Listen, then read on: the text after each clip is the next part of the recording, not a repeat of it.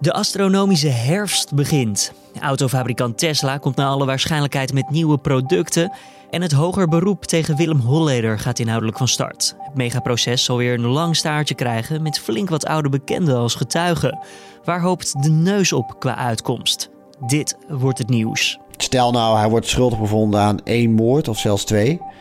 Dan, zal die, dan is de kans eh, redelijk aanwezig dat hij alsnog levenslang krijgt. Of eh, bijvoorbeeld 30 jaar cel en dat hij dus eh, de rest van zijn leven moet slijten in, uh, in de gevangenis.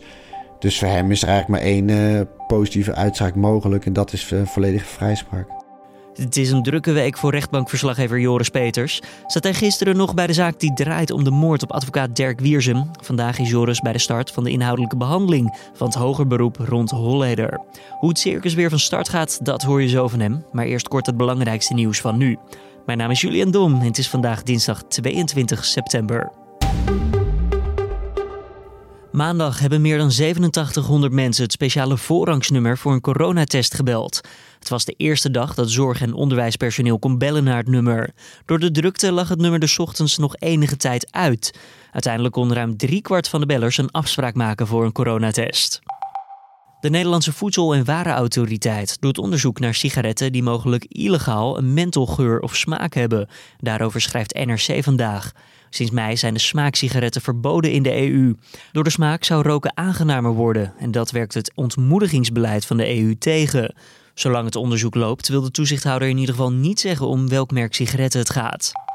Het Verenigd Koninkrijk heeft het waarschuwingsniveau opgeschaald naar niveau 4. Dat is het op één na hoogste niveau. Dat betekent dat het aantal besmettingen volgens medische experts hoog is of exponentieel kan toenemen. Pubs, bars en restaurants moeten daarom in het land vanaf donderdag iedere avond om 10 uur sluiten. Premier Boris Johnson zal vandaag nog het land toespreken vanwege het aangescherpte waarschuwingsniveau. Inwoners van Italië hebben maandag bij een referendum gestemd voor het verkleinen van het aantal zetels in het parlement. Het aantal parlementsleden in het Italiaanse Huis van Afgevaardigden zal worden verminderd van 634 naar 400. En in de Senaat blijven van de 315 zetels slechts 200 stuks over. Het referendum was het idee van de Italiaanse regeringspartij Vijf Sterrenbeweging. Volgens deze partij levert deze verandering mogelijk een kostenbesparing van 1 miljard euro op. Zorgverzekeraar DSW stelt dat zij de premie voor een basiszorgverzekering komend jaar met 6,5 euro verhoogt. Het kabinet ging vorige week op Prinsjesdag in de berekeningen nog uit van een verhoging van gemiddeld zo'n 5 euro per maand. De verzekeraar wijt de verhoging voor het grootste deel aan de toegenomen kosten in de zorg. Die zouden worden veroorzaakt door loon- en prijsstijgingen. Maar ook een toenemend gebruik van dure geneesmiddelen zou een oorzaak zijn. Verder meer nieuws over de zorgverzekering, want er komt een einde aan de mogelijkheid om met een collectieve korting een basisverzekering af te sluiten. Minister Tamara van Ark voor Medische Zorg schrijft dat deze wijziging op 1 januari 2023 van start moet gaan. Volgens de minister kunnen veel verzekeraars niet aannemelijk maken dat de collectieve afspraak ook leidt tot een kostenbesparing. En daardoor lijkt het nu wel alsof de basispremie hoger is om zo die collectieve korting te kunnen bekostigen. Dan over naar ons gesprek van deze dinsdag. Hij werd vorig jaar juli schuldig bevonden aan vijf moorden, één poging daartoe en lidmaatschap aan een criminele organisatie. Willem Holleder. Voor deze vergrijpen werd hem een levenslange gevangenisstraf opgelegd. Deze zaak werd ook al omschreven als een megaproces met al meer dan 60 zittingsdagen op de teller. Echter zijn we nog niet klaar met tellen, omdat vandaag de inhoudelijke behandeling van het hoger beroep van start gaat. Collega Carné van der Brink vroeg aan rechtbankverslaggever Joris Peters of de zaak helemaal opengebroken zal worden of dat het eerder om een herhalingsoefening gaat. ja, dat, het, het helemaal openbreken van de zaak, dat zou natuurlijk mooi zijn. Hoe meer nieuwe feiten, hoe interessanter het is voor, uh, voor ons journalisten en ook voor het publiek. En je weet het maar nooit, hè. Ik bedoel, uh, tijdens de inhoudelijke behandeling van de rechtszaak kwamen er ook heel veel nieuwe feiten aan het licht. Het herhaling is niet te vermijden. Dus dat gaat ook in het hoger beroep gaat het weer. Uiteraard gaat het over alle verdenkingen. Dus de, de, dan ontkom je er niet aan. Maar een hoger beroep is in principe niet bedoeld om alles nog een keer opnieuw te doen. Dus daar zal de, uh, het Hof wel op letten. Nou moeten zij zelf ook een oordeel vormen. De, dus het, het feit dat de dingen worden gehaald is uh, onvermijdbaar. Maar nee, we krijgen niet exact hetzelfde proces. Ja, want hij is veroordeeld voor alle punten waarvan hij werd verdacht. Zal dan ja, de inzet van de verdediging zijn om al die punten dan weer te ontkrachten? Nou ja, dat is wel natuurlijk wat, uh, wat de verdediging zal proberen. Zij zeggen eigenlijk het gevoel wat onze cliënt Willem Holleder had, dat zien wij bevestigen in de uitspraak. Zo van, uh, eigenlijk was ik bij voorbaat al kansloos. Uh, het oordeel over mij was al geveld. En alles wat daar tegenin is gebracht tijdens de rechtszaak, uh, dat is door de rechtbank aan de kant geschoven. en wat zij hopen en willen, is dat zij een eerlijke kans krijgen in het hoger beroep om, om nogmaals hun verhaal te doen.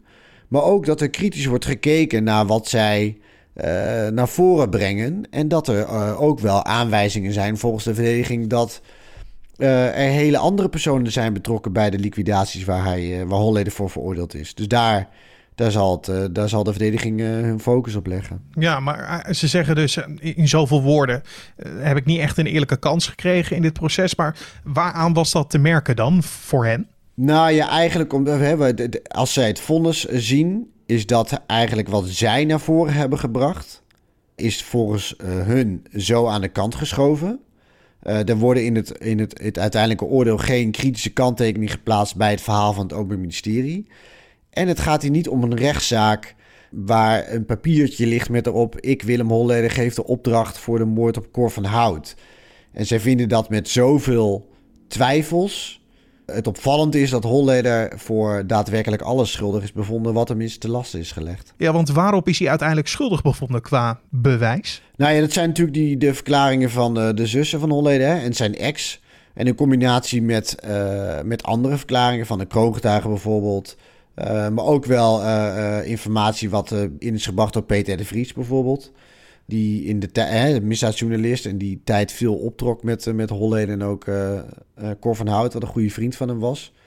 en in combinatie daarvan zien ze eigenlijk van, ja, dit is zo betrouwbaar. Holleden heeft daar niet wat tegen in kunnen brengen en daarom achten wij hem schuldig. Maar waarop was dan de betrouwbaarheid van die getuigenverklaringen gebaseerd volgens de rechtbank? Volgens de rechtbank zijn die verklaringen betrouwbaar. één, omdat zij geen andere reden zouden hebben om deze verklaringen af te leggen. Hè. Er is geen voordeel voor hun te behalen als dus de rechtbank. En daarnaast zijn het personen die uh, heel lang uh, zijn opgetrokken met Holleder, die, waar die mee een vertrouwensband had. En waar die tegen persoonlijk zou hebben gezegd van, uh, dat hij wel schuldig was aan te lasten gelegde feiten. Nou, dat, dat vinden zij op basis van al hun verklaringen ook en de andere feiten die ze hebben zo betrouwbaar dat dat gebruikbaar is voor het bewijs ja, en het hoge beroep zal in het teken staan van de getuigen die weer ja, terug zullen keren in dit proces. Zoals de zussen Holleder die al eerder de revue hebben gepasseerd. Maar worden zij dan verplicht om nu aanvullende vragen te beantwoorden? Ja, zeker. Als getuige ben je inderdaad verplicht om, uh, om antwoord te geven op vragen. Hoewel je ook nog wel bepaalde uitzonderingen hebt. Hè? Je hebt het verschoningsrecht of uh, dat je niet belastend over jezelf hoeft te verklaren. Maar zij zijn gewoon de belangrijkste getuigen. En daarom zullen zij opnieuw worden opgeroepen. En ik neem aan dat het Hof zelf ook nog wel vragen aan hen heeft. Omdat zij opnieuw moeten beoordelen of, of deze verklaringen inderdaad betrouwbaar genoeg zijn om, om te gebruiken voor het bewijs. Ja, want het is een hele lange lijst van getuigen die weer worden gehoord. Waren er nog andere opvallende namen die uh, eruit sprongen voor jou? Uh, nou ja, Fred Teven wordt ook gehoord als getuige. Dat is de, nou ja, eigenlijk ten tijde van de, de verdenkingen waar Holleder, uh, of de zaken waar Holleder waarvan verdacht. Toen was Fred Teven officier van justitie. En de verdediging hoopt dat hij wat licht kan schijnen op uh, uh, de situatie van dat moment in het Amsterdamse criminele milieu. En het komt dus echt neer op die getuigenverklaringen, omdat er verder niks is qua smoking guns zoals uh, PGP-berichten. Nee, nee het, is, het is vooral ter onderbouwing van het verhaal wat ze inderdaad bij de rechtbank ook al hebben verteld. Is dat er gewoon op dat moment zoveel conflicten waren in het criminele milieu, dat het heel goed kan dat een Cor van Hout, een Mieren met daar slachtoffer van zijn geworden. En uh, het oproepen van zoveel getuigen heeft daarmee te maken, zou ik maar zeggen. Ze hopen dat verhaal nog sterker te maken. Waardoor er gereden twijfel uh, ontstaat uh, dat Holleder schuldig is aan deze feiten. Ja, dan nog even over de omvang van deze zaak. Hè. Het wordt omschreven als een megaproces door de zittingsdagen. Ja, je bedoel, laat het omschreven maar weg hoor, dat is het gewoon. Ja, oké. Okay. Ja, want ben ja. jij de tel ondertussen al kwijt? Nou ja, ik geloof dat we volgens mij in de eerste aanleg hebben zeker 60 zittingsdagen gehad. En ik, ik, geloof dat er nu weer uh, 40 zijn, uh, zijn ingepland. Dus ja, dat mag met recht een uh, megaproces genoemd worden. Want had jij het toen de uitspraak kwam ook echt afgesloten al? Nee, nee, nee. Maar ik bedoel, kijk, ik, iedereen wist natuurlijk ook wel dat er sowieso een hoger beroep zou volgen. Wat de uitspraak ook zou zijn. Dus dat, ja, dit is voor niemand een verrassing. Nee, dat, dus dat, nee, dat boek is nooit, uh, is, is nu nog niet afgesloten. En als je het hebt over mogelijke successcenario's voor Holleder, zijn dat er meerdere of is dat er maar één? Ja, ja, ja dat bedoel nou in dit geval eh, alleen vrijspraak. Even los van het feit dat hij natuurlijk uh, zegt dat hij volledig onschuldig is. En dan wil je natuurlijk dat, dat je wordt vrijgesproken. Maar ook gekeken naar zijn situatie. De man is 62. Stel nou, hij wordt schuldig bevonden aan één moord of zelfs twee. Dan, zal die, dan is de kans redelijk aanwezig dat hij alsnog levenslang krijgt. Of bijvoorbeeld 30 jaar cel. En dat hij dus eh, de rest van zijn leven moet slijten in, eh, in de gevangenis. Dus voor hem is er eigenlijk maar één eh, positieve uitspraak mogelijk. En dat is volledige vrijspraak. En het belooft weer een lange zit te worden. Hè? Hebben we al iets van een tijdsplanning? Hoe lang het allemaal gaat duren? Nou ja, ik geloof dat het eind 2021 dat de zaak moet afgerond. Ik weet niet of de datum voor de uitspraak ook al bekend is. Maar laten we, laten we voorlopig even inplannen op uh, december 2021. Want ja, natuurlijk alles verandert. En ook de zittingsdag van vandaag bijvoorbeeld, die was ook anders eerst gepland. Ja, klopt. We zouden eigenlijk beginnen met twee getuigenverhoren. Dat is er één geworden. Dus de eerste getuige die moet, uh, moet weer worden ingepland op een andere dag. Uh, nou, nou zijn er vaak ook wel zittingsdagen daarvoor ingeruimd hoor. Maar we beginnen dus met een, met een getuigenverhoor vanmiddag van de chauffeur en uh, oud bodyguard van Cor van Hout. En voelt het dan ook alsof vandaag dan dat hele circus weer van start gaat? nou ja, ik denk dat het, ik denk dat het, het, het, het, het circus waar jij op doelt, hè, dat is, was vooral het mediacircus. Ik denk dat dat dit jaar, of sorry, ik denk dat dat met deze zaak, dat het in hoger beroep wel wat meer zal meevallen. Ik denk dat de aandacht wat minder zal zijn dan bij, dan bij de rechtbank. Maar ik bedoel, wie weet uh, word ik wel enorm verrast hoor. Maar dat is mijn inschatting. En waarom denk je dat? Nou ja, kijk, ik bedoel, wat, waar we het eerder over hadden. Hè, bedoel, uiteraard is het hoger beroep niet bedoeld om alles weer te herhalen. Maar dat uiteraard zal er ook, zullen er heel veel feiten wel worden herhaald. Dus ik weet niet of mensen daar nu weer uh, op zitten te wachten. En op het begin was het natuurlijk een soap. En er is een toneelstuk uitgevolgd en televisieseries en weet ik dan wel wat. Ja, de kans dat dat nu weer gebeurt, uh, die schat ik niet zo groot in. Dus vandaar dat ik denk dat de aandacht nu mee zal vallen. Je hoorde collega Carne van der Brink in gesprek met rechtbankverslaggever Joris Peters. Verder de nieuwsagenda van vandaag. De astronomische herfst die begint. De zon staat namelijk precies boven de evenaar. En dat betekent dat dag en nacht overal op aarde even lang duren. Verder wordt het een grote dag voor Tesla. De autofabrikant houdt namelijk een aandeelhoudersvergadering en komt daarna met nieuws over nieuwe producten. Vermoedelijk heeft Tesla het batterijen weten te verbeteren. Volgens ingewijden komt het bedrijf met een million mile range battery. Nou, vrij vertaald van marketingstermen naar het Nederlands betekent dat zoveel als een accu die ontzettend lang mee kan gaan. En dan door naar dat wat we graag allemaal willen weten. Kunnen we nog zonder jas naar buiten op deze eerste herfstdag? Dat weet Alfred Snoek van Weerplaza. Vandaag is het voor het laatst echt nog even na zomer in Nederland. Want met volop zonneschijn loopt de temperatuur na een weliswaar frisse start uiteindelijk op naar zo'n 20 graden in het Waddengebied. Tot zo'n 25 graden in met name Brabant en Limburg. En omdat er vandaag heel weinig wind staat, zal het vanmiddag zelfs een stukje warmer aanvoelen. Vanavond hebben we nog een even een mooie nazomerse avond. Vannacht trekken wat wolkenvelden over. Het blijft op de meeste plaatsen droog. En de temperatuur daalt erbij naar een graad of 10. Nou, dankjewel Alfred. Dan nog even dit. Zlatan Ibrahimovic die heeft maandag een fraaie mijlpaal bereikt. De 38-jarige spits leidde AC Milan namelijk met twee doelpunten langs Bologna. En scoorde daardoor voor 22e seizoen op rij in competitieverband.